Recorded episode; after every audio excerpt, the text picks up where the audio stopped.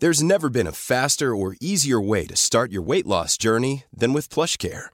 PlushCare accepts most insurance plans and gives you online access to board-certified physicians who can prescribe FDA-approved weight loss medications like Wigovi and Zepbound for those who qualify. Take charge of your health and speak with a board-certified physician about a weight loss plan that's right for you. Get started today at plushcare.com slash weight loss. That's plushcare.com slash weight loss. plushcare.com slash weight loss. Planning for your next trip? Elevate your travel style with Quince. Quince has all the jet setting essentials you'll want for your next getaway, like European linen, premium luggage options, buttery soft Italian leather bags, and so much more. And is all priced at 50 to 80% less than similar brands. Plus, Quince only works with factories that use safe and ethical manufacturing practices.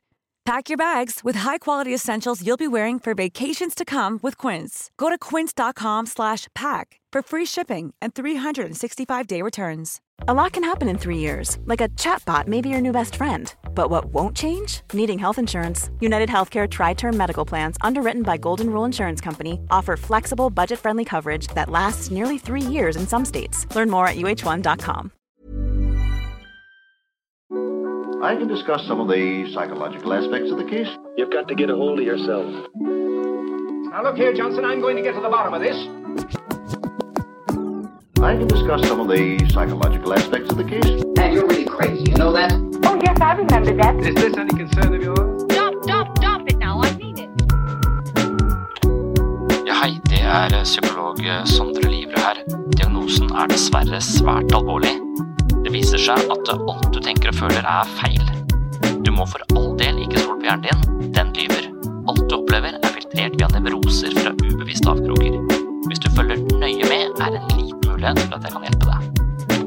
I can some of the I can some of the I can some of the psychological aspects of the case.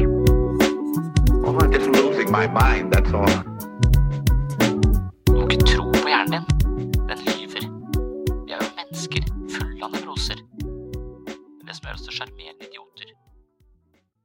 Hvis alt går som planlagt, så blir dette her episode 400.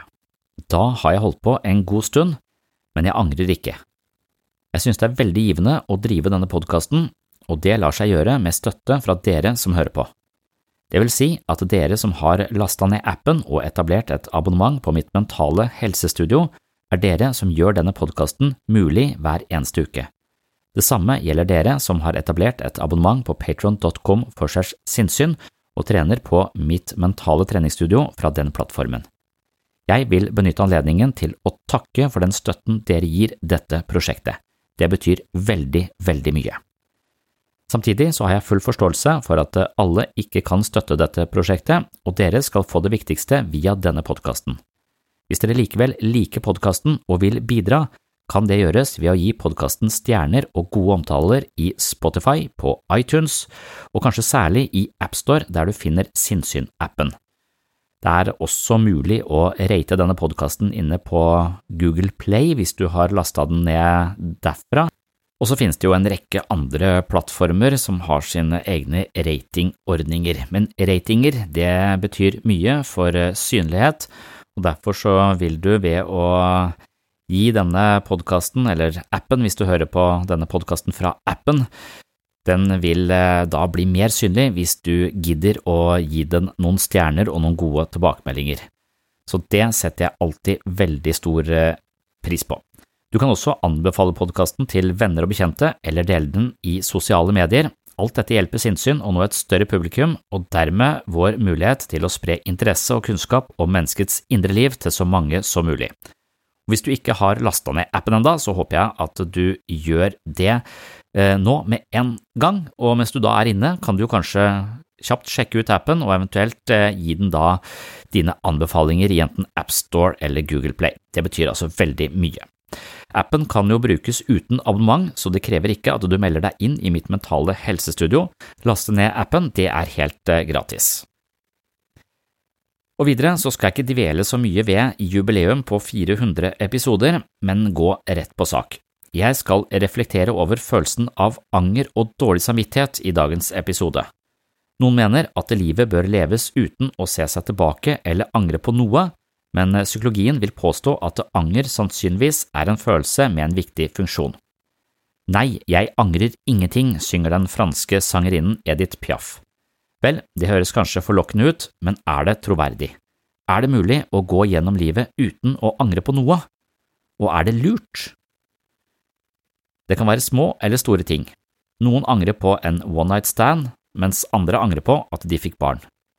Ifølge boken The Top Five Regrets of Dying angret eh, folk mest på at de ikke hadde mot nok til å leve et liv tro mot seg selv og ikke det livet andre forventet av dem.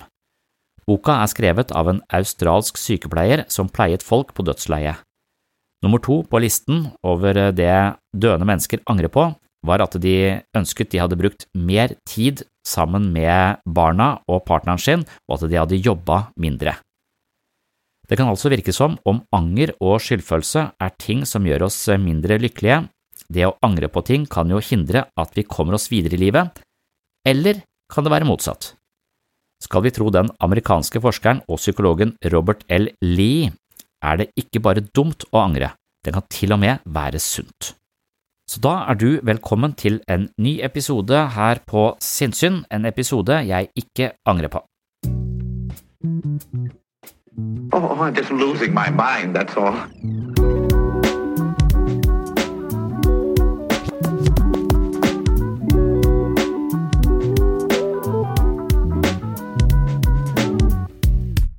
Da begynner jeg bare å si noe om temaet, som var anger. Det å angre på ting. Og jeg tror det er en følelse som skaper skape ganske mye uro i folk. Og det er veldig mange som eh, driver mye med det og angrer. På en sånn større undersøkelse blant 4500 eh, amerikanere, så er det kun 1% av de som eh, blir spurt, som sier at de aldri angrer på noe. Og hvis du gjør et Google-søk på tittelen 'No regret', så får du opp tusenvis av resultater. Det er bl.a. 50 bøker på Amazon som heter 'No regret'. Så det er en eller sånn idé om at det å ikke angre på noe er liksom uh, bare kjøre på og ikke, ikke angre er en, en, slags dyd, da. Men uh, sannsynligvis er nok anger en følelse som er der for å lære oss noe. Den har en hensikt. Men den kan være konstruktiv, og den kan være ganske destruktiv. Så mens 1 av amerikanere sier at de aldri ser seg tilbake, så er det 82% som angir at de eh, angrer en del ved jevne mellomrom ukentlig. Og så er det 43% som sier at de eh, tenker mye på ting de skulle gjort annerledes nesten hele tida. Da er man over i grubling. Jeg skulle ikke gjort sånn, jeg skulle ikke gjort sånn, osv. Og, i de bøkene som er skrevet om, eh, om, anger, så brukes ofte Alfred Nobel som eksempel. For det han leste i avisa at han var død. Og det kom jo litt brått på han, siden han satt og leste avisa. Men så viste det seg at det var ikke han som var død, det skjønte han jo, for han leste avisa. Men det var broren hans som eh, døde. Ludvig Nobel. Men de hadde likevel printa et sånn epitaf, eller hva det heter, sånn uh, ettermæle, en sånn skrift der, i avisa om Alfred Nobel. Og der sto det at uh, han hadde funnet opp dynamitt, som var en destruktiv kraft som kunne brukes i våpen. Så han hadde tjent seg rik på menneskers destruksjon. Så han ble sånn portrettert som en sånn litt sånn uh, egosentrisk rik fyr som hadde skapt noe faenskap for, for, verden. Det er jo et sånt selvhjelpstips, det. Og så se for deg hva folk vil si om deg i begravelsen din. Og nå fikk jo Alfred Nobel nærmest oppleve det uten å være død. Da. Sånn se, Hva skriver du om deg? Hva er mitt ettermæle? Da endrer han eh, kurs. Så det var det som kanskje gjør at vi i dag har eh, Han var jo rik. Eh, at vi da har et fond som deler ut eh, masse penger hvert år til ulike gode saker. Så når eh, han skjønte at måten han hadde levd på, kanskje ikke var helt eh, optimal, at han tjente på tjente masse penger på ting som kanskje ikke som hadde en viss verdi, men det var også ganske destruktivt. Så, så etablerer han dette fondet, og så endrer han kurs. Og det er en fin eh, måte å bruke en type anger på da, til å, til å endre, endre, noe. Du lærer av måten du har eh, levd på, for å endre kurs eh, framover. Og det tror jeg er en, eh, en fin måte å bruke den eh, følelsen på. Men så tror jeg de fleste av oss kanskje driver med det som heter kontrafaktisk tenkning isteden. Og det er en eh, kontrafaktisk tenkning det er en egenskap mennesker har fordi vi er eh, historiefortellende individer som kan bedrive tidsreiser. Så vi kan se for oss hva som kommer til å skje i morgen, og lage fortellinger om det. Og vi kan fortelle hva som har skjedd med oss. Og så kan vi også fortelle historier om hva som kunne ha skjedd hvis vi hadde gjort det annerledes. Og det er kontrafaktisk tenkning. Hvis jeg bare hadde, hvis jeg bare hadde, hvis jeg ikke hadde, osv. Og, og da blir eh, anger en slags eh, suppe av eh, selvforakt og oppgitthet eh, når man bare tenker på hva jeg burde ha gjort, for nå er jeg i den situasjonen fordi jeg valgte så dårlig da. jeg valgte Så dårlig da. Så det er liksom to måter å håndtere det på. Vi kan, eh, vi kan bruke eh, angeren som en slags pekepinn på at her er det noe jeg kan lære om måten jeg har eh, valgt på, og de prosessene som har ledet opp til det eh, valget. Eller jeg kan eh, bade i anger og dårlig samvittighet og selvforakt fordi at jeg var så dum og gjorde akkurat det. Og det er jo mye man eh, kan angre på, eh, selvfølgelig. Så er det da hele, hele ideen er hvordan håndterer vi den, eh, den angeren. Anger er kanskje litt sånn i slekt med dårlig samvittighet også. De sier det er den mest kompliserte følelsen. Så hvis du klarer å håndtere den følelsen på god måte, så er du et modent menneske. Så det er kun de mest modne mennesker som, eh, som er eh, veldig gode på akkurat denne typen Eller følelser i dette landskapet her sånn. Og selvhjelpstipset er jo der fordi at du skal kanskje nå bli litt bevisst den læringa du kan ta. Så se for deg din egen begravelse. er jo liksom, Det står i mange selvhjelpsbøker. Og da er jo sånn, sånn masse lister på topp fem ting som folk angrer på på dødsleiet. Og topp fem det er eh, de skulle ikke ha jobba så hardt. De eh, skulle vært mer tro mot seg selv og ikke bare levd på andres premisser eller så opptatt av hvordan de tenkte at andre mente de burde være. Så mer, eh, mer tro mot seg selv. Det kom på andreplass. Og så er det mange som sier at de skulle ønske de hadde mot til å uttrykke følelsene sine tydeligere. Og så er det mange som sier at de ville holdt mer kontakt med venner. Og så er det mange som uttrykker at de skulle latt seg selv være lykkeligere. Som om det er et valg, da. At jeg kan velge å være lykkeligere, men jeg bare syns ikke jeg fortjente det, eller osv. og Så, videre. så det er, det, er det, det er det, mest eh, gjennomgående. Jeg skrevet en bok om dette etter en sånn stort stort studie hvor man har spurt folk på dødsleie hva de, eh, hva de angrer mest på. Og på dødsleie så er det jo litt for seint, selvfølgelig. Da er du i ferd med å, å dø. Men hvis du ser for deg hva du kommer til å angre på, hva du selv kommer til å si på ditt eget dødsleie nå, eller hva andre mennesker kommer til å si om deg, eh, så har du jo faktisk eh, muligheten til ikke bare angre, men lære noe av, eh, av den refleksjonen og endre kurs, kursen. Så det vil være det, er vel det som er selvhjelpstipset der. Et annet eksempel er en, en som heter Emma Johansen fra Sverige. Hun er syklist. Hun fikk eh, sølvmedalje i eh, 2016 i et sånn ritt i Rio de Janeiro. Og så når man ser eh, klipp fra det fra, den, eh, fra det rittet der sånn, og hun kommer i mål som nummer to, så ser man så følger man dem, og så jubler jo selvfølgelig hun som vant, men så jubler også tredjeplassen. For det er, ganske, det er en ganske stor prestasjon å komme blant de tre beste. Mens eh, Emma hun eh, sitter eh, stille med hendene liksom, i ansiktet, som om hun er forferdelig misfornøyd. Og det eneste hun tenker på, sier hun, det er hva jeg kunne gjort annerledes for å vinne. Så det at jeg kom på andreplass, det, det teller ingenting. Det er bare hvis jeg hadde spist litt mer til frokost, hvis jeg hadde stått opp litt tidligere, hvis jeg hadde trent litt mindre, hvis jeg hadde restituert litt bedre. Det eneste hun tenkte på, var hva hun kunne gjort annerledes for å komme som nummer én, og hva hun gjorde for noe feil. Og det er jo kontrafaktisk tenkning. Hva skulle jeg gjort uh, annerledes? Så da er det ganske stor forskjell på uproduktiv anger og produktiv anger. Det første paralyserer oss, mens det andre kan fungere som en slags katalysator for positiv eh, forandring. Og Emma Johansen og Alfred Nobel er eksempler på hver sin strategi. da. Mens Alfred Nobel er jo en konstruktiv, en produktiv anger. Han endrer kurs. Mens Emma blir paralysert og havner i en uh, ukevis med grubling over hva hun burde gjort annerledes.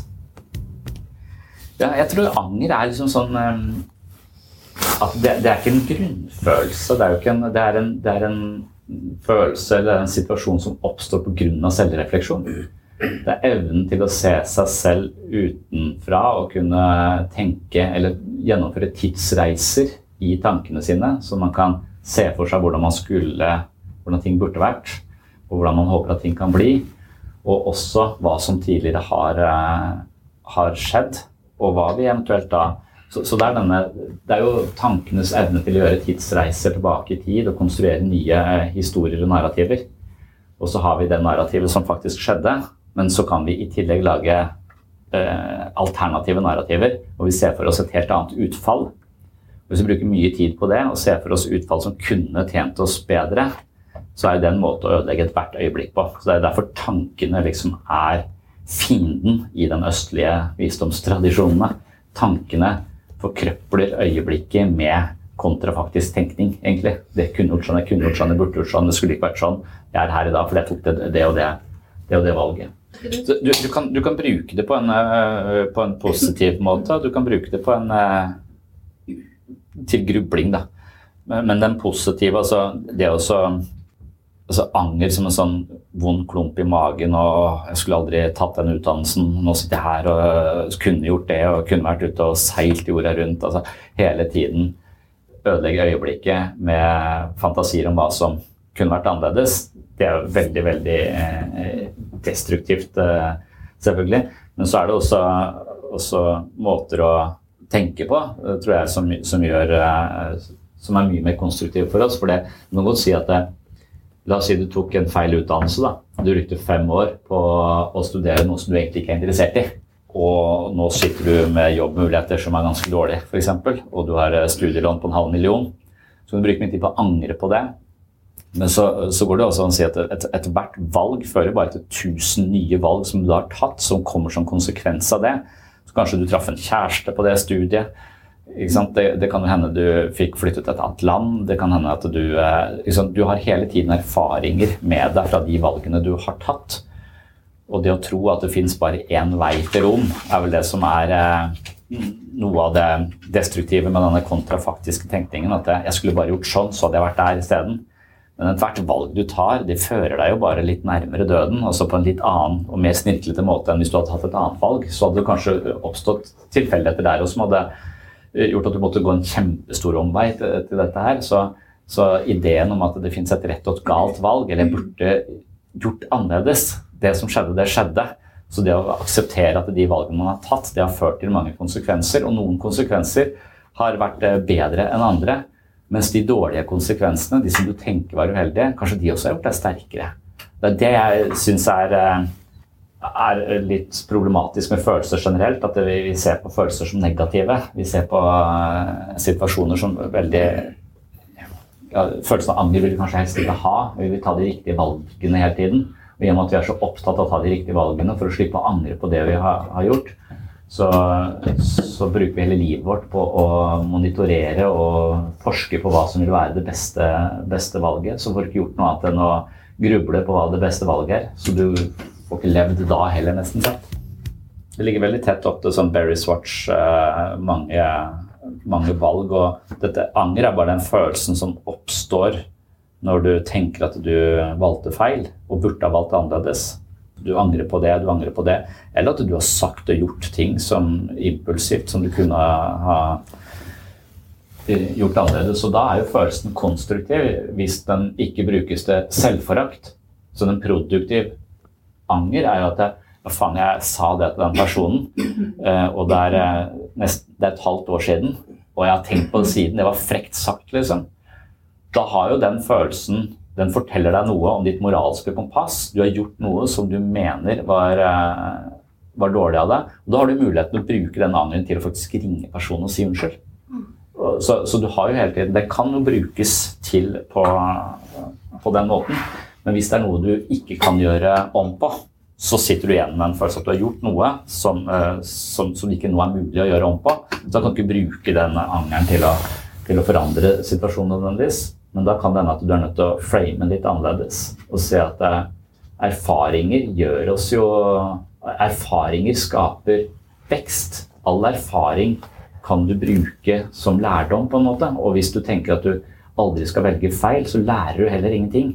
Så hvis vi ikke har anger, så uten anger så er vi totalt uh, Da vokser vi ikke. Så anger er jo en, en, følelse, en, følelse, som dukker opp fordi vi skal lære noe av uh, fortiden som vi kan bruke i, i fremtiden.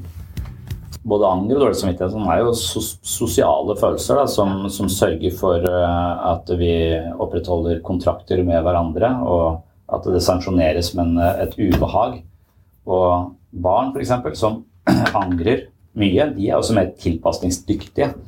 Det var den artikkelen vi leste. Så, så, de, eh, så, det at barn angrer, det viser egentlig tegn på et slags sivilisert sinnelag og en, en, mulighet til å tilpasse seg samfunnet på en god måte. Så, og det er også sånn med i et fengsel så har man også målt eh, graden av anger hos de innsatte. Og, og de som angrer mye, de har mye mindre sjanse for å komme tilbake i fengsel på et senere tidspunkt. Men de som har lite anger, de havner tilbake i fengsel på et senere, senere tidspunkt. Så, så, det er jo en uh, regulerende følelse. En moralsk regulerende følelse. Som kan, uh, men hvem som bestemmer hva som er rett og galt, at det skal være en kirke som har monopol på det, eller noe sånt, det er jo mer uh, er, Skyldfølelse har jo vært en måte å kontrollere mennesker på i, i all tid, og det er i familier også. altså det, den, den teknikken er jo å kontrollere folk med skyldfølelse. Det, det, kan du gjøre i menigheter, og du kan gjøre det i familier. og du kan, eh, du kan egentlig, Det er jo det, som jeg sagt, den mest effektive måten å kontrollere folk på, det er å gi dem skyldfølelse. Ja, det, det, er et kjempestort filosofisk eh, spørsmål, tror jeg, om, om moral. Eh, hva, hva, som Men jeg husker jeg leste Sam Harris på det, som har skrevet The Moral Landscape. Og han mener vel at det, det finnes ting som er bedre og dårligere, og vi, kan, vi skal ikke late som om vi ikke vet noe om det. Han mener at den veldig sånn Ja, men det moralske, det er, det er subjektivt. Det kommer an på hvor du er født, det er kulturelt og osv. Han mener at det finnes, det finnes, måter å behandle kvinner på, f.eks., som er bedre enn andre måter å behandle kvinner på. Eh, og det kan man, så Han mener at det moralske landskapet er en slags bølger. Og så er det en high peak, det er høy moral, så er det lav moral. Selv om ja, så, så, at det, så, at det, er uh, rett og slett gjennom å finne ut av hvordan mennesker trives og vokser og, og, stimuleres på en god måte, så kan man si noe om hva som er riktig å gjøre mot dem, og hva som ikke er riktig å gjøre mot dem. Og derfor så mener ikke han at moral bare handler om følelser. Det handler også om uh, etterrettelig kunnskap om hva som gagner flest mulig mennesker på en best mulig måte. Da. Mens eh, andre kan si at det handler om eh, at at det er veldig sånn subjektivt. Og de kristne vil si at det går ikke an å ha noe moral hvis ikke du har en lovgiver. Så, så derfor så forutsetter de en gud som, som er utenfor tiderom, som bestemmer hva som er rett og galt. Og hvis ikke Gud bestemmer hva som er rett og galt, så er det bare opp til det enkelte mennesket å bestemme hva som er rett og galt. Og vi helt, eller jeg mener det er riktig, du mener det er riktig, og jeg mener det er galt, du mener det er riktig. Så, så, så da, da, har vi ikke lenger noe standard for hva som er rett og galt. Derfor så må vi ha en Gud som har gitt oss disse føringene på hva som er rett og galt, for han er omnipotent og skjønner hva som er rett og galt, mens vi vi er subjektive og har lyst til det og tenker at jeg forsvarer det for oss selv. Det er full av forsvarsmekanismer og alt faenskap som forkludrer vår måte å tenke på og operere på. da. Nei, nei. Gud, du har ikke skapt Gud. Gud har skapt deg. Så Gud var før alt. Gud er utenfor tid og rom. Så det er Gud som, som har det, det, objektive blikket på hva som er rett og galt. Så hvis Gud sier at det er riktig å, å drepe babyer, så er det riktig å drepe babyer. Og skal ikke du stille spørsmålstegn ved det? For det er ikke du som har skapt Gud, det er Gud som har skapt deg. Så, så just shut up! Ja, det er veldig interessant. For han eh, norske forskeren han sier det at, eh, at anger ikke er en, eh, en, nødvendigvis en endrende følelse. For han har forsket på var det utroskap, eller var det rusmisbruk, eller liksom, sånn, sånn uvaner. Liksom, når du har vært på byen, og du våkner på søndagen, så tenker du 'å, fy faen, aldri mer'. Eh, det angrer jeg på. Men den følelsen endrer ikke atferden din neste helg, nødvendigvis. og, det, og det er det som er Så han, han mener at, det, at uh, anger ikke egentlig er en atferdsendrende følelse. Men han sier vel egentlig at det er tenkning som er det. Det eneste positive med angeren er at du blir selvrefleksiv av det. Så, så du, du, begynner å vurdere din egen måte å handle på. Så du, så du aktiverer, Litt sånn at vi tenker psykoterapi her. Det er jo istedenfor å ta ting for gitt. altså Hvorfor husker du ikke navn? Det er fordi det er dårlig hukommelse. Nei, det er bare én forklaring. Kanskje du er redd for folk. Kanskje du prøver å ha avstand til folk. altså Det setter i gang en refleksjon over din egen atferd. Og jo mer refleksjon du har over din egen atferd, jo mer avslører du all den ubevisste dynamikken. Og hvis du vet om den, så er sjansen for at du på sikt kan komme til å endre det større. Da. Så det er litt sånn å stimulere superbrukeren for det. Så, men han mener da at det er eh, tenkning på en måte. Det er tenkningen eh, rundt Det er følelsen stimulerer en form for tenkning om din egen måte å handle på. Men, det er, det er så, så, som regel så, så, Egentlig så tror jeg kanskje han bare ser på hvordan bruker folk anger? Bruker de anger til selvforakt og, og selvhat og paralyseres av det? Og tenker jeg er en elendig person, så om jeg drikker meg dritings igjen, det spiller vel faen ingen rolle. Liksom, den holdningen. Eller om de har sånn mer Alfred Nobel-holdning til det. At oi, den, denne personen vil ikke jeg være. Jeg vil bruke uh, den forståelsen jeg nå har av mitt eget atferdsmønster til å endre meg. Så kanskje det er litt få som klarer å bruke anger på en, på en konstruktiv måte. Da. Det tror jeg. For selv så syns jeg at anger er en jævlig følelse, og den er ikke veldig endringsskapende hos meg heller. altså det det er, mer sånn mørkt høl, liksom. Ja, Så når man kjenner på anger og selvforakt, så ruser man seg bare mer for å, for å nettopp få den, den vekk. Og da, men, og der mener jeg kanskje er tilbake til det at vi har et sånn negativt syn på, på følelser. Altså, Jeg syns vi burde hatt et nøytralt syn på, på, følelser. Vi burde ikke si at anger er noe jeg ikke vil ha. Altså, Med en gang du har gitt den følelsen av anger en verdi, den er dårlig for meg, den gir meg ubehag osv., Nei, den gir deg potensielt sett mye innsikt i deg sjøl. Så, så kan være, det kan være smertefullt å innse at man har eh, gjort ting som er skadelige for andre, f.eks. Men det at du har den følelsen, gir deg muligheten til å, eh, til å vokse som menneske. Det er Nesten alle disse følelsene som vi anser som negative, raseri og sinne og sånn, de har jo som regel en funksjon. Og det å dømme de som noe jeg ikke vil ha, i livet mitt. Jeg tror det liksom er hele selve fortolkningen vår av vårt eget følelsesliv som gjør at vi ikke, ikke kan bruke følelsene på en konstruktiv måte. Ja, vi, vi blir perfeksjonister for å slippe å angre på noe. Uh, perfeksjonisme er kanskje en slags sånn idé om at hvis jeg gjør alt perfekt, så er det i hvert fall ingenting å angre på. Og anger er en kjempeubehagelig følelse. Tenk at jeg kunne gjort annerledes, valgt annerledes, så hadde jeg hatt det kjempebra i dag. Jeg kunne investert i de aksjene, Jeg har vært mangemillionær akkurat, eh, akkurat nå. Men jeg var den eneste av gutta som ikke ble med på det. sånn kan man si. Så, så, har du liksom De følelsene bruker vi ikke til, til lærdom. De er ubehagelige for oss, og så vil vi ha de vekk. Så man sier det er tre strategier. Jeg har lest om i flere bøker. altså anger, så punkt én Når du angrer, så er det signal til deg selv om at du ikke har levd opp til de eh, prinsippene og føringene og moralske ideene du har om dem, hvordan du ønsker å være. Og når du da kjenner på den følelsen, så har du muligheten til å gjøre noe med det.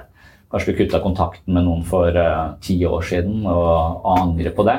Så er det mulig å ringe det igjen den følelsen kan eh, istedenfor bare la det gå, la det gå, la det gå, bade i den angeren, så kan den angeren føre til en form for handling som, eh, som kan, være, kan få mange, mange, utvalg. Og Hvis det er ting du ikke kan gjøre noe med, så må du nesten se på situasjonen fra flere perspektiver. Da. Så hvis du har eh, tatt et valg, så har du jo på en måte gått inn på en sti som har ført til 1000 andre valg, som har gitt deg 1000 andre muligheter og 1000 andre problemer.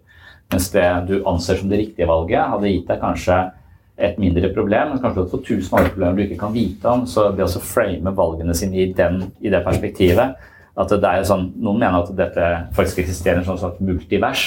Sånn at alt det som potensielt sett kan skje, det skjer. Så, så vi er bare, vår bevissthet er bare i akkurat disse valgene. Men så finnes det en variant av oss som også går ut nå, for alle sammen på likt. Fordi noen sier noe frekt til noen. Jeg vet ikke. Altså det, det kan, alt, alt mulig Ethvert et tenkelig scenario er, skjer også i eh, parallelle universer.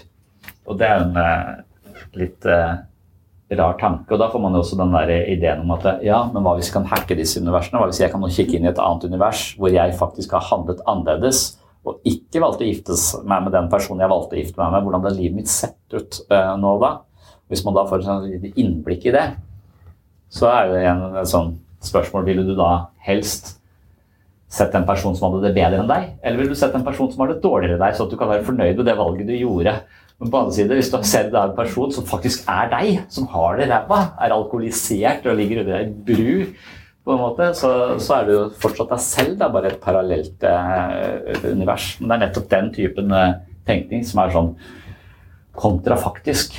Og, og sannsynligvis eh, jeg tror nok at hver gang vi tar et uh, valg, så åpner jo det for nye muligheter. Og det å bruke veldig mye tid på å tenke at man skulle valgt annerledes, det tror jeg er, er dumt. Men det å begynne å analysere hva man som ledet til akkurat den typen valg, det kan være noe du kan ha god bruk for neste gang.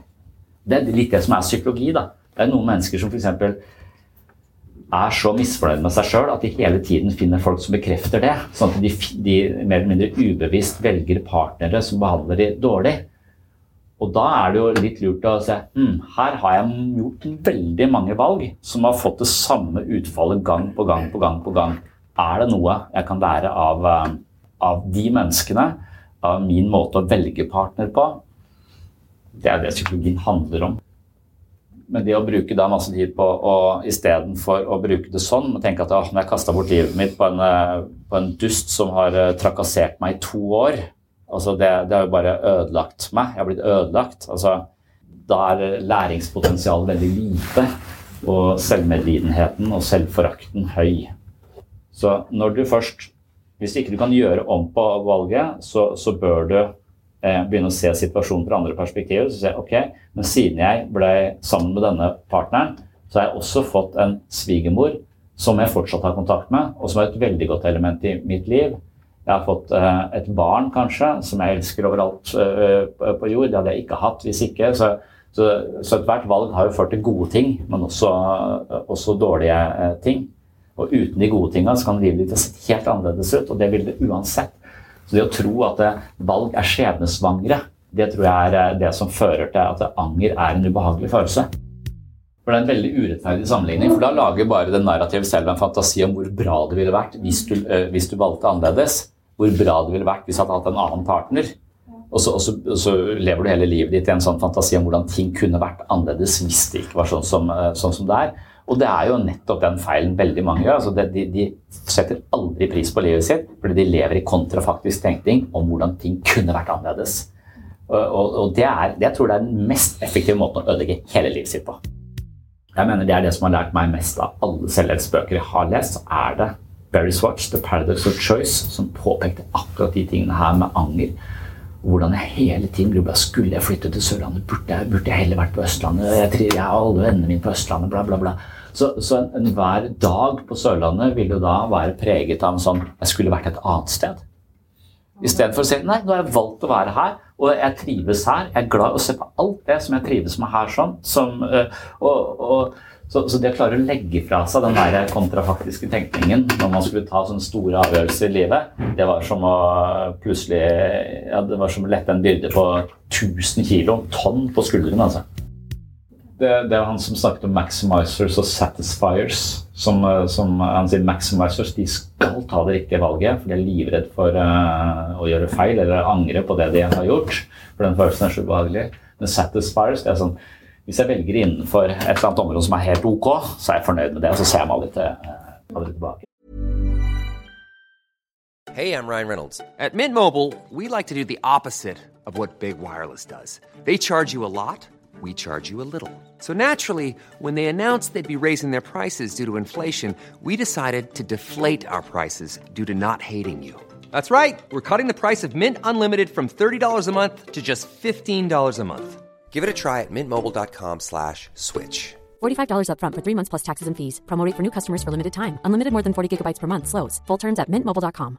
Quality sleep is essential. That's why the Sleep Number Smart Bed is designed for your ever evolving sleep needs. Need a bed that's firmer or softer on either side? Helps you sleep at a comfortable temperature? Sleep Number Smart Beds let you individualize your comfort so you sleep better together. JD Power ranks Sleep Number number 1 in customer satisfaction with mattresses purchased in-store. And now, save 50% on the Sleep Number limited edition Smart Bed for a limited time. For JD Power 2023 award information, visit jdpower.com/awards. Only at a Sleep Number store or sleepnumber.com. Everyone knows therapy is great for solving problems, but getting therapy has its own problems too, like finding the right therapist, fitting into their schedule, and of course, the cost. Well, BetterHelp can solve those problems. It's totally online and built around your schedule. It's surprisingly affordable too. Connect with a credentialed therapist by phone, video, or online chat, all from the comfort of your home. Visit betterhelp.com to learn more and save 10% on your first month.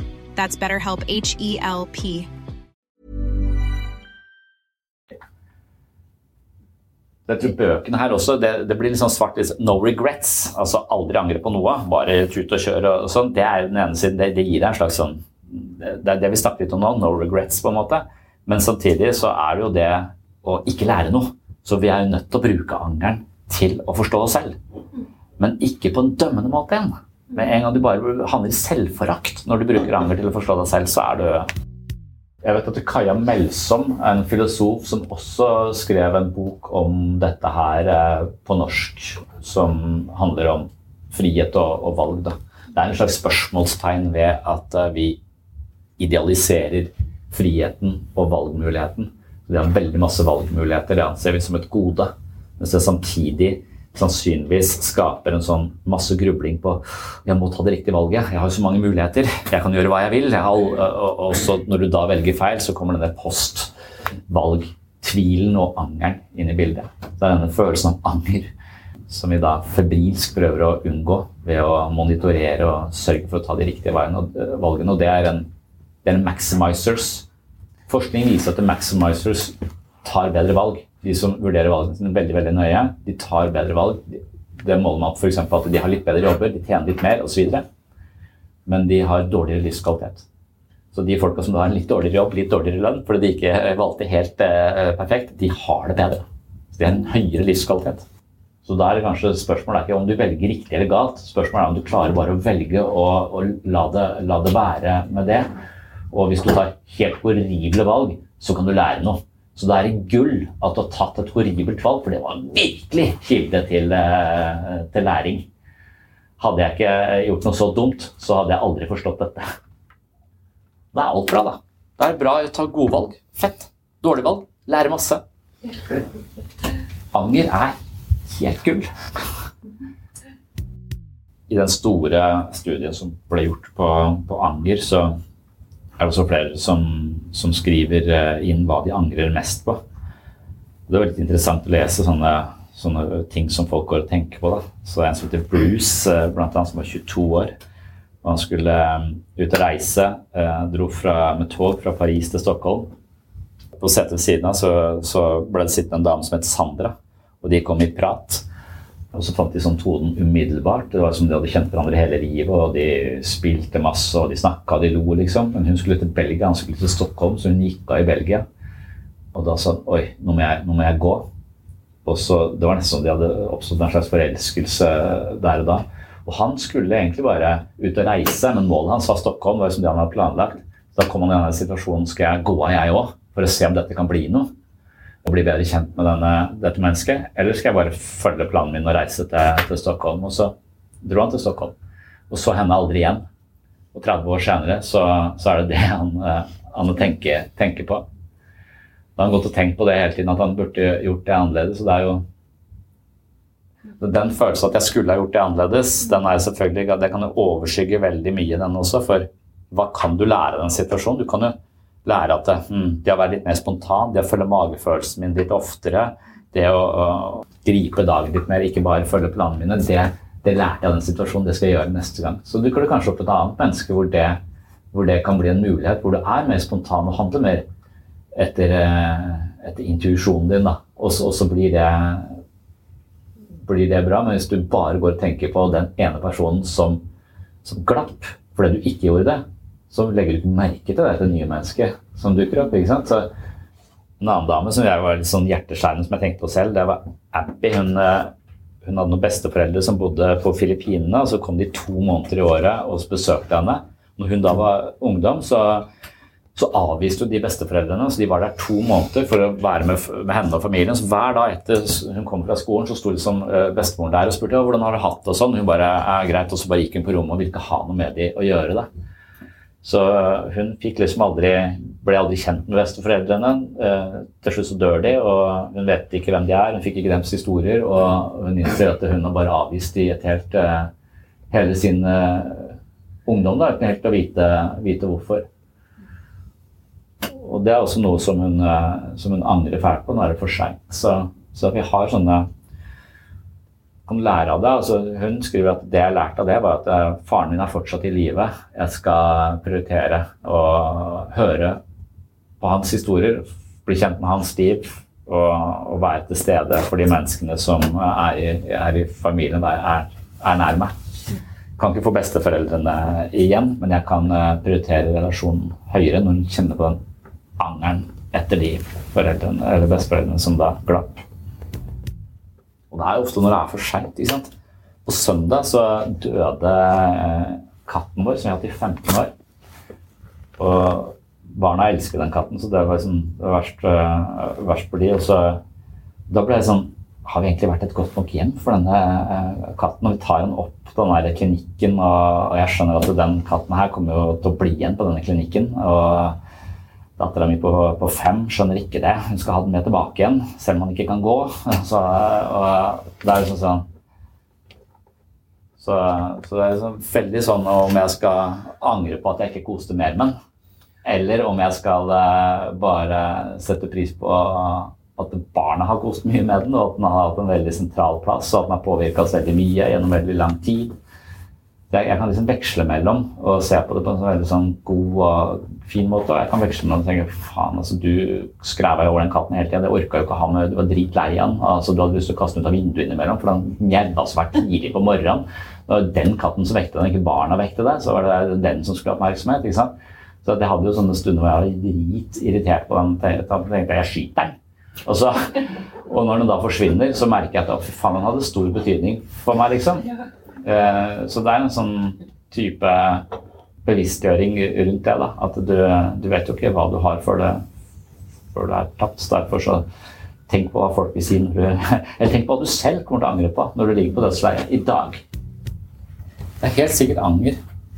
Sånn at eh, du overså folk som betyr noe for deg i lang, lang tid, og så gikk det så hardt inn på det at du kanskje mister det. Og det, det er jo men spørsmålet er om du da om du kunne lytta til de følelsene litt tidligere. altså Istedenfor at det er nettopp det som liksom er beskjeden her. altså Følelser er der for å fortelle deg noe. De er ikke der for å plage deg. De er der for å fortelle deg noe. Så hvis du da lytter til den lille dårlige samvittigheten du har når du svarer på den mailen istedenfor å følge med på hva barna har bygd av, eh, av, av Lego, hvis du, hvis du tar da, da har du muligheten til å ta konsekvensen av den, eh, den følelsen og lytte til den følelsen. På et eh, på et tidligere, tidligere tidspunkt. Men som regel så, det, så blir det for seint for oss. da. Vi lærer liksom ikke før det, har, før det har gått for lang tid. Derfor så er det kanskje noe Kanskje det er derfor eh, disse store visdomstradisjonene sier at du skal tenke på Husk at du skal dø, sier de hele tiden. Memento mori. Memento mori, husk at du skal dø. Skjønner ikke hvorfor jeg skal gå rundt og tenke på at jeg skal dø hele tiden, men kanskje det er noe i dette, dette her at hvis du vet at ting er endelig, så, så, vil du sette litt mer pris på det som er. Gripe dagen litt, eh, litt annerledes. Ja, så kontrafaktisk tenkning hviler på et, eh, på et, prinsipp som kanskje er helt feil. fordi at det, vi egentlig ikke Altså hvem vi selv var for ti år siden og de valgene vi tok der, de er på en måte like fremme som et hvilket som helst annet menneske. Vi, ikke, vi, vi, kunne ikke gjort det annerledes da. Vi hadde ikke andre forutsetninger. Så de valgene vi tok, det var de valgene som måtte bli tatt. Så, så det er vel hele ideen om at vi har en fri vilje, at vi hele tiden kan velge, velge selv. Men dypest sett så er det mange filosofer som mener at vi ikke har noe fri vilje. For alt det vi gjør, er på grunn av årsaker tusenvis av kompliserte årsaker som fører opp til akkurat den handlingen. Og det kunne egentlig ikke vært annerledes. Sånn ideen om at vi hele tiden kunne valgt annerledes, det er egentlig en illusjon vi har.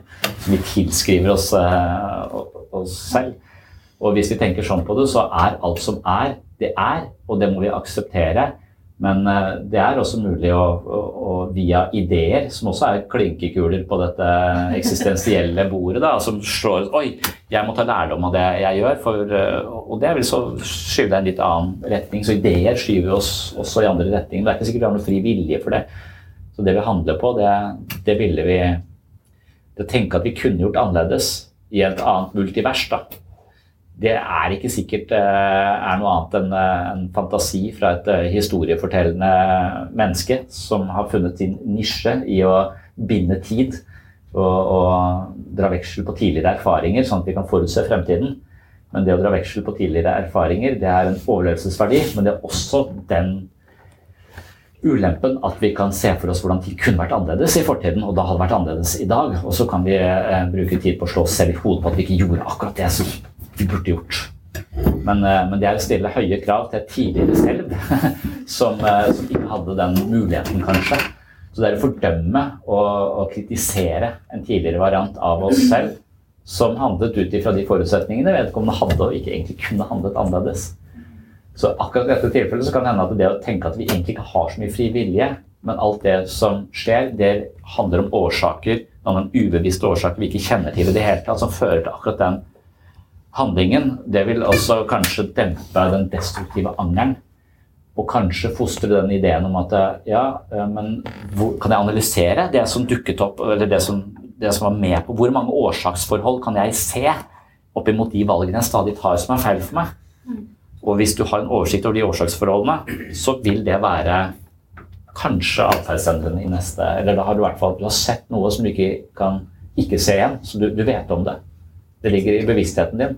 Ja, Det er det som er psykologi. Det er se på alle de ubevisste årsakene bak motivasjonen vår. Så, så hvis vi klarer å lodde dybden i vår egen motivasjon og se de ubevisste eh, elementene som fører til destruktive handlinger, frykt for å vokse opp og ta ansvar i voksenlivet, en idé om at det blir for tungt å bære.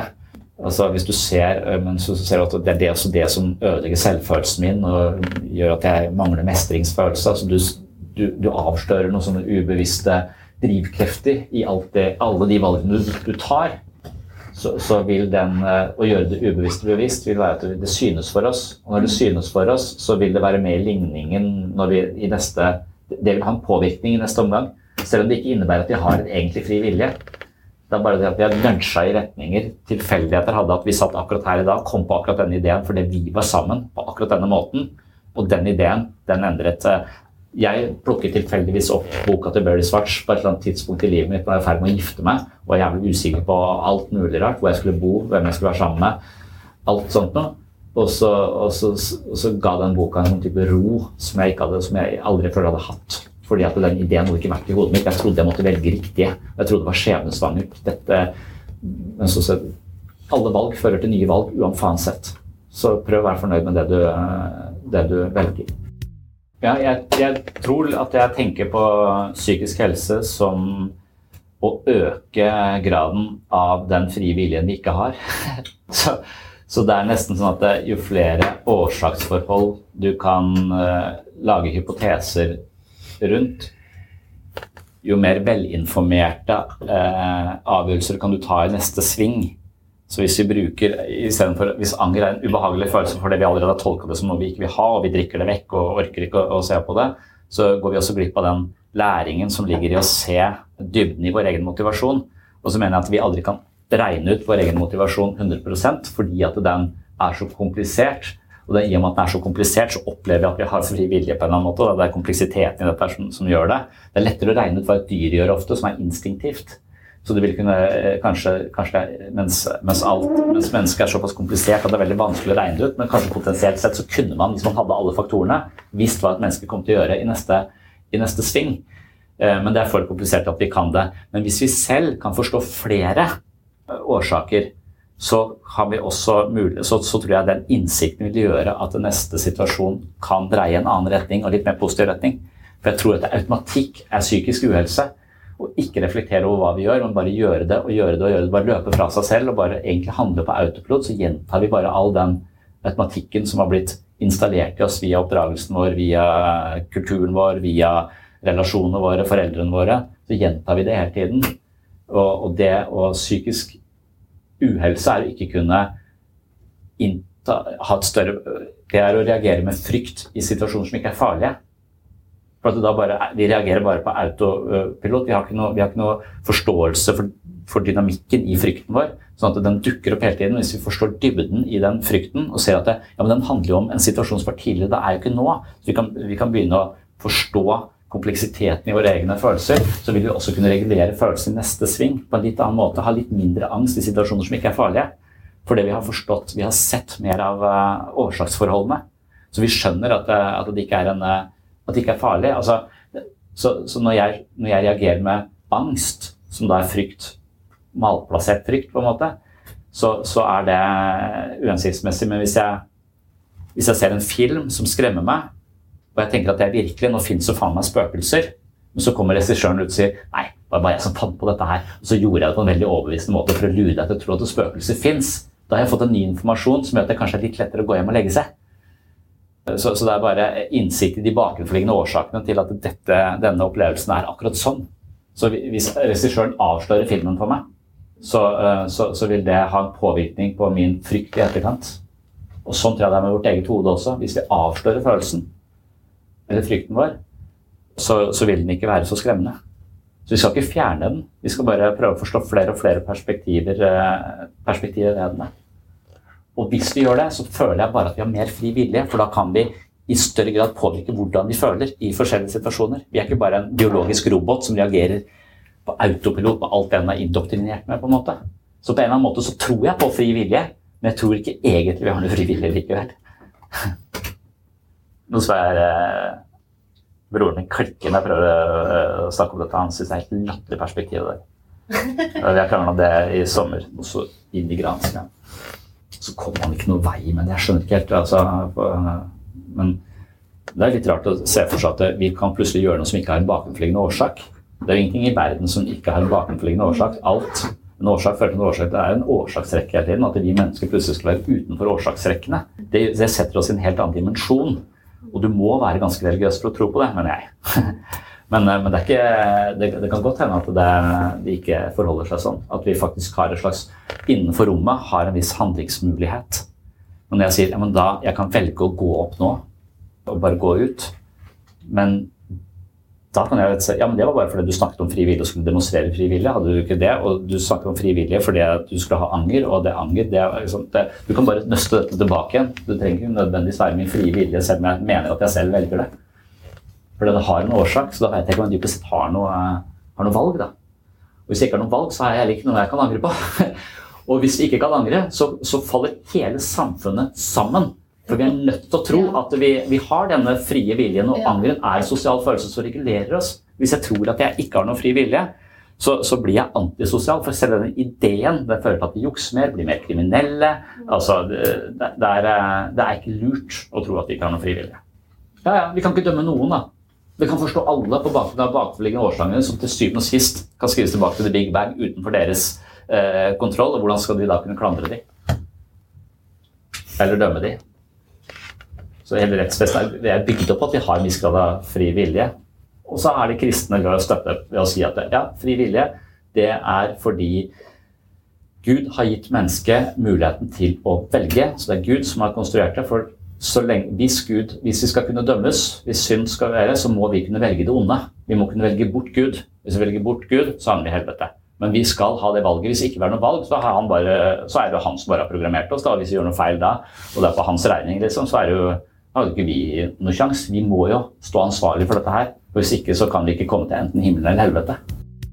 Men det, det er liksom også hele tiden en sånn uh, Eh, perspektiv som jeg tror man skal holde tunga så rett i munnen. For det er, jeg mener det er fallgruve på begge sider her. så Derfor kan jeg ikke si at det er en sånn fri vilje-fundamentalist. Jeg mener jeg ikke har det. Holde, så, for, for, det er liksom hele tiden en sånn du, Hvis du er veldig liberal uh, og har sånn, tro på en sånn libertariansk fri vilje, så vil du være ansvarlig for alle dine handlinger. Du er ansvarlig for ditt liv. Du kan ikke skylde på noe utenfor deg selv. Det er dine valg. du uh, gjør de valgene. Og det er et veldig sånn ofte sånn kristenkonservativt perspektiv uh, som, uh, som, dømmer folk til døden hvis de, hvis de gjør, noe, gjør, noe, galt. Og det er også en sånn idé som ofte skaper veldig mye dårlig selvfølelse i folk, fordi at de tenker at ja, grunnen til at jeg er fattig, grunnen til at jeg ikke har noe jobb, grunnen til at jeg sitter ja, ikke kan bidra, grunnen til at jeg er syk, altså det er min feil det er, det er, jeg som har tatt feil valg. Det var fordi jeg ruste meg. det var fordi det, det, var fordi det. Så, så, hvis du legger alt ansvaret på, på, individet, så blir det sannsynligvis det så tungt å bære at de brekker eh, ryggen på det. Og, mens eh, faktum er jo også at eh, hvis du f.eks. vokser opp i fattige kår, så er sjansen for at du gjør en klassereise veldig liten. Altså, Den sosioøkonomiske statusen du fødes inn i, den kan brytes, men majoriteten gjør ikke det. Det er jævlig vanskelig å skifte og vokse ut av sitt eget miljø, sin egen kultur. Det er, mange, det er mulig, men det er kjempevanskelig. Så når man ikke klarer det, så er det ikke fordi man er dårlig eller fordi man har sitt eget ansvar, det er fordi man er sitter fast i et, eh, i et eh, miljø, i en kultur, i en familie som, som, holder deg eh, på et utviklingsnivå som kanskje egentlig ikke er spesielt tilfredsstillende. Og det å vokse ut fra det, det er som å løsrive seg fra en magnet som trekker deg tilbake igjen dit. Så, så, du kan si ja, det er din feil at du ikke er styrtrik. Nei. Altså, det, man, man kan, hvis man tenker at jo, vi har fri vi kan ta alle våre egne valg, så kan man liksom klandre individet veldig mye. Og da kan, kan, man også fordømme mennesker veldig mye. Men hvis man innser at ja, vi har ikke så mye fri vi er styrt av så mange faktorer vi ikke kan kontrollere, så vil man være litt rausere. Da er man ofte over på venstresida. Det er ofte dette som, som skiller det politiske landskapet også. På høyresiden så er det mer du er ansvarlig, mens på venstresiden nei, det er samfunnet sin skyld. Det er samfunnet som ødelegger for individet. Så dette her er bevegelsen mellom venstre og høyre i politikken også. Her er det fallgruve. Hvis du bare gir samfunnet skylda for alt og fritar individet for alt mulig rart, så tror jeg individet ikke eh, nudges i retninger som gjør at det tar mer ansvar for livet sitt, og at det kan falle der. Men hvis det får så mye ansvar for alt som skjer galt, så brekker det ryggen på den siden. Så akkurat i det politiske landskapet også, så er vi med på akkurat den samme jeg tror den samme tematikken og problemstillinga dukker opp.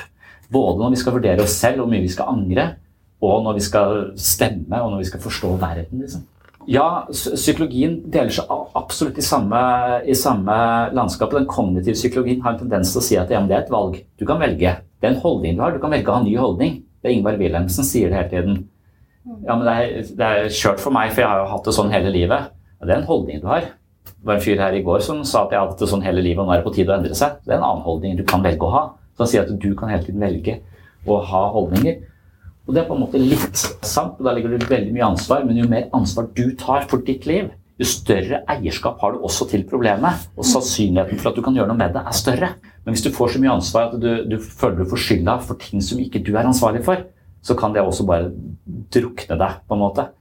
Ja, altså, jeg mener at det, kanskje psykisk helse handler om å ta så mye ansvar vi klarer. For idet vi tar ansvar, så har vi også eierskap til problemet, også frihet til å gjøre noe med det. Og jo mer jeg er et offer for omstendigheter, jo mer jeg er et offer for samfunnet eller for Nav, eller noe sånt, jo mer hjelpeløs blir jeg. Så, eh, så hvis jeg fraskriver meg ansvaret, så blir jeg mer jeg, jeg slipper for skyldfølelsen og ansvaret. Men jeg har også mindre påvirkningskraft til å løse problemet, for jeg blir et offer for noe som ligger utenfor meg selv. Men hvis jeg tar mer ansvar for det, så har jeg mer eierskap til problemet, og jeg har større muligheter til å gjøre noe med det, men jeg skal bære mye mer ansvar også på mine skuldre. Så det er et sweet spot akkurat her som hvor mye skal vi, eh, skal vi vekte på, på, på, hver, på hver side. Det er en slags forhandlingsprosess vi har med oss selv, vi har med systemet. Altså, det er, den, det er den forhandlingsprosessen jeg ser på når jeg, øh, når jeg, er irritert på for mye ADHD. Altså en boost at alle skal ha ADHD-diagnosen. For jeg ser på det som en forhandlingsprosess hvor folk er villige til å ofre veldig mye ansvar. F.eks. eksempel, jeg snakker om den dama som, som, sender en henvisning til poliklinikken her, for hun mener at det, hun må ha ADHD fordi hun er frekk med kollegaer. Så det er noe gærent med hjernen min. Det er ikke jeg som er frekk, det er hjernen min som er frekk. Altså, og det er en slags sånn, ja, det er noe galt med hjernen min. Det er en, det er en slags fraskrivelse fraskrive seg det er ikke meg, det er hjernen min og nevrologien min som er feil. Det må justeres med medisiner. Jeg føler at da, da, da har vi ikke klart oss å finne det sweet spot mellom ansvar og, og, og man, hvor man ikke egentlig kan stå ansvarlig for uh, at, at, vi skal outsource alt som vi ikke får til, som en sykdom. Da gjør vi oss til et offer for diagnosemanualen. Og så har vi problemer med å få gjort noe med, med, med utfordringen på egen hånd. Da. Men hvis vi skal ta alt på egen, på egen hånd, og de ikke har noen forutsetninger der ute, så, så blir det mye å bære for, for enkeltindividet. For mye å bære. Kanskje Jesus er bildet på akkurat denne, dette dilemmaet. For Jesus er ikke skyld i at han skal opp Golgata med et kors på ryggen. Det er ikke hans skyld. Han har blitt svikta gang på gang på gang. på gang. Han har bare gjort så godt han kunne. og Han gjør på sett og vis ikke noe feil, men likevel så blir det hans lodd. Men han bærer det korset. Og det å bære sin egen skjebne, på en måte, eller sin egen eh, byrde At han kanskje er et sånn bilde på det, at det er noe som mennesker må. Vi har ikke skyld i det eh, vi må bære, men det blir på et eller annet tidspunkt vårt ansvar å bære det. Og hvis vi tar det ansvaret, så kommer vi til himmelen. Hvis vi ikke tar det ansvaret, så, så stryker vi med. Så det er, det er, bare en slags lignelse, kanskje, et slags bilde på, på at det, Men det portretteres jo ikke som lett. Det er ikke lett å gå opp Golgata der med det korset, i hvert fall ikke når Mel Gibson gjør det. Ser ganske anmassende ut. Dagens episode baserte jeg mye på boka som heter The Power of Regret av Daniel Pink.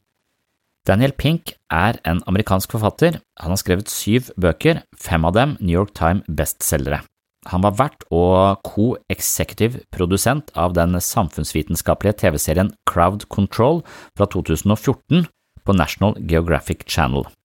Fra 1995 til 1997 var han taleskriver for visepresident Al Gore. Hans hovedpoeng i boka The Power of Regret er at et slogan som eh, Ingen anger er lite gjennomtenkt og en ganske dårlig livsfilosofi. Han mener rett og slett at holdningen som propagerer ingen anger, er skadelig for eh, menneskelig vekst.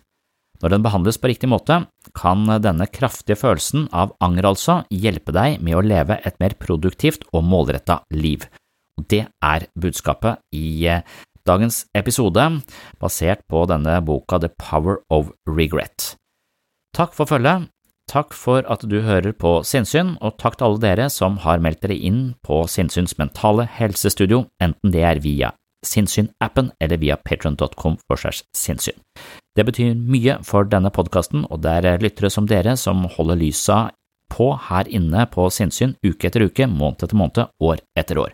Tusen hjertelig takk for det, og velkommen tilbake i neste episode. Oh, I'm just losing my mind, that's all.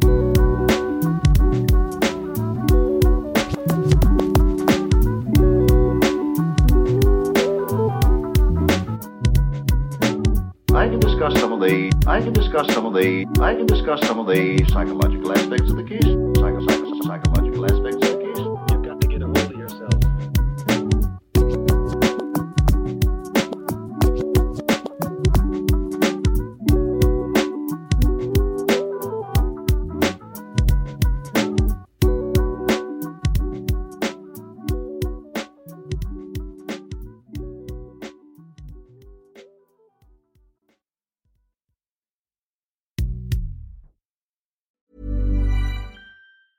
Planning for your next trip?